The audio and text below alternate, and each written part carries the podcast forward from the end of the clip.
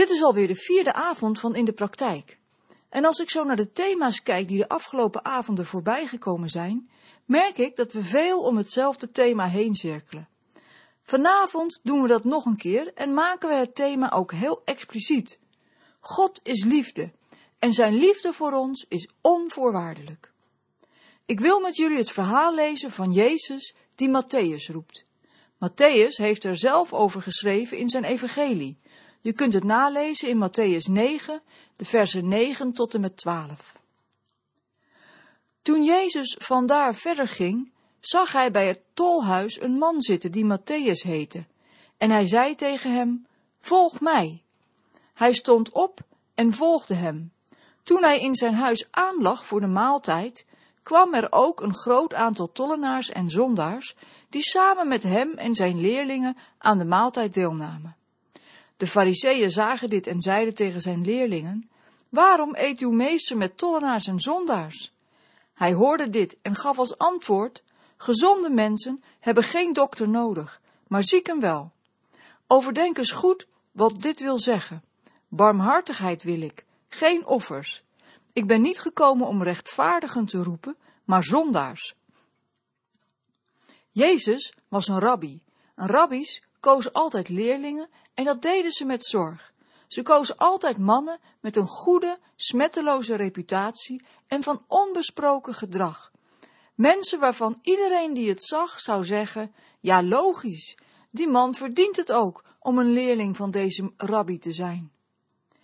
Jezus doorbreekt dat patroon radicaal met zijn keuze voor Matthäus. Want Matthäus is bepaald geen man van onbesproken gedrag. Integendeel, hij is een tollenaar. Dat is een belastingambtenaar die werkt voor de Romeinen.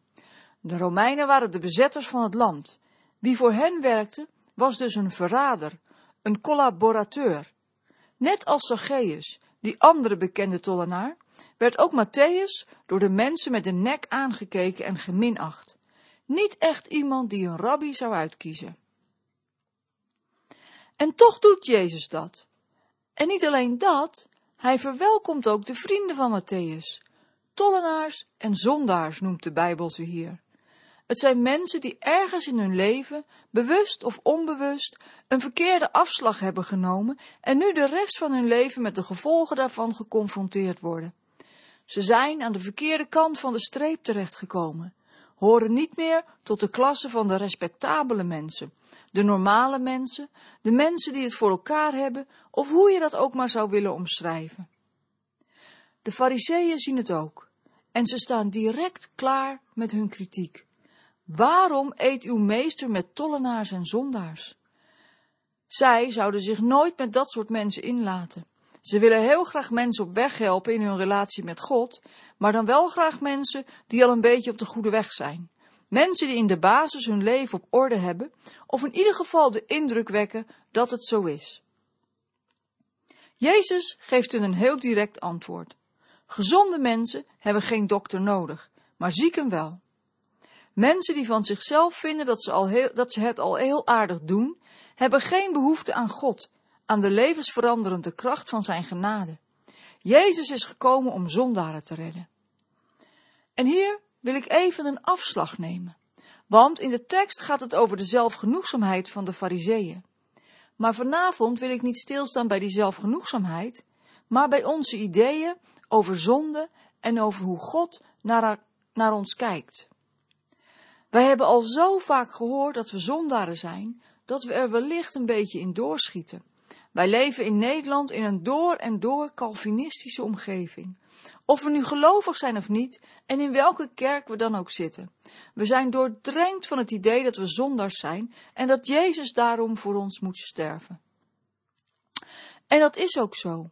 Jezus moest sterven voor onze zonde. Op de een of andere wijze was dat de enige manier om definitief met de zonde af te rekenen. Om ons te bevrijden uit de macht van de zonde. Het probleem met deze redenering is dat het begint bij de zonde. De zonde is het probleem en dat moet worden opgelost.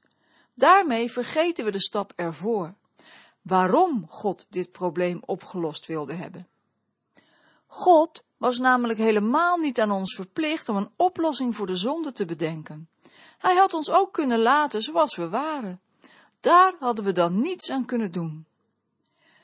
Jezus roept Matthäus niet omdat hij vindt dat het leven van Matthäus nodig eens rechtgezet moet worden.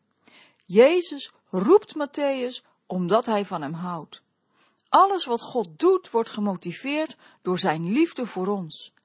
Sommigen van ons zijn als de fariseeën, die in hun zelfgenoegzaamheid denken dat ze die liefde niet nodig hebben, dat ze het zelf wel kunnen.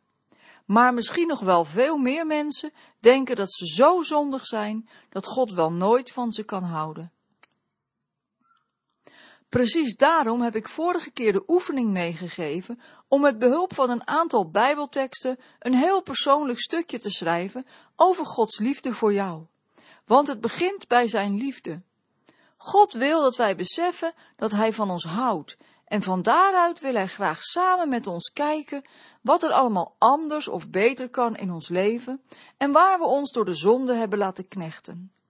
Wij hebben vaak de neiging om andersom te redeneren.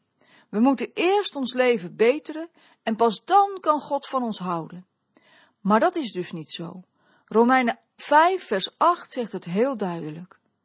God bewees ons zijn liefde doordat Christus voor ons gestorven is toen wij nog zondaars waren. God houdt van jou. Het is zijn liefde die hem ertoe bracht om mensen te scheppen. En het is zijn liefde die hem deed besluiten om zijn zoon te sturen en ons te redden. Wie je ook bent, wat je ook gedaan hebt, God houdt van jou. Want God is liefde. Amen.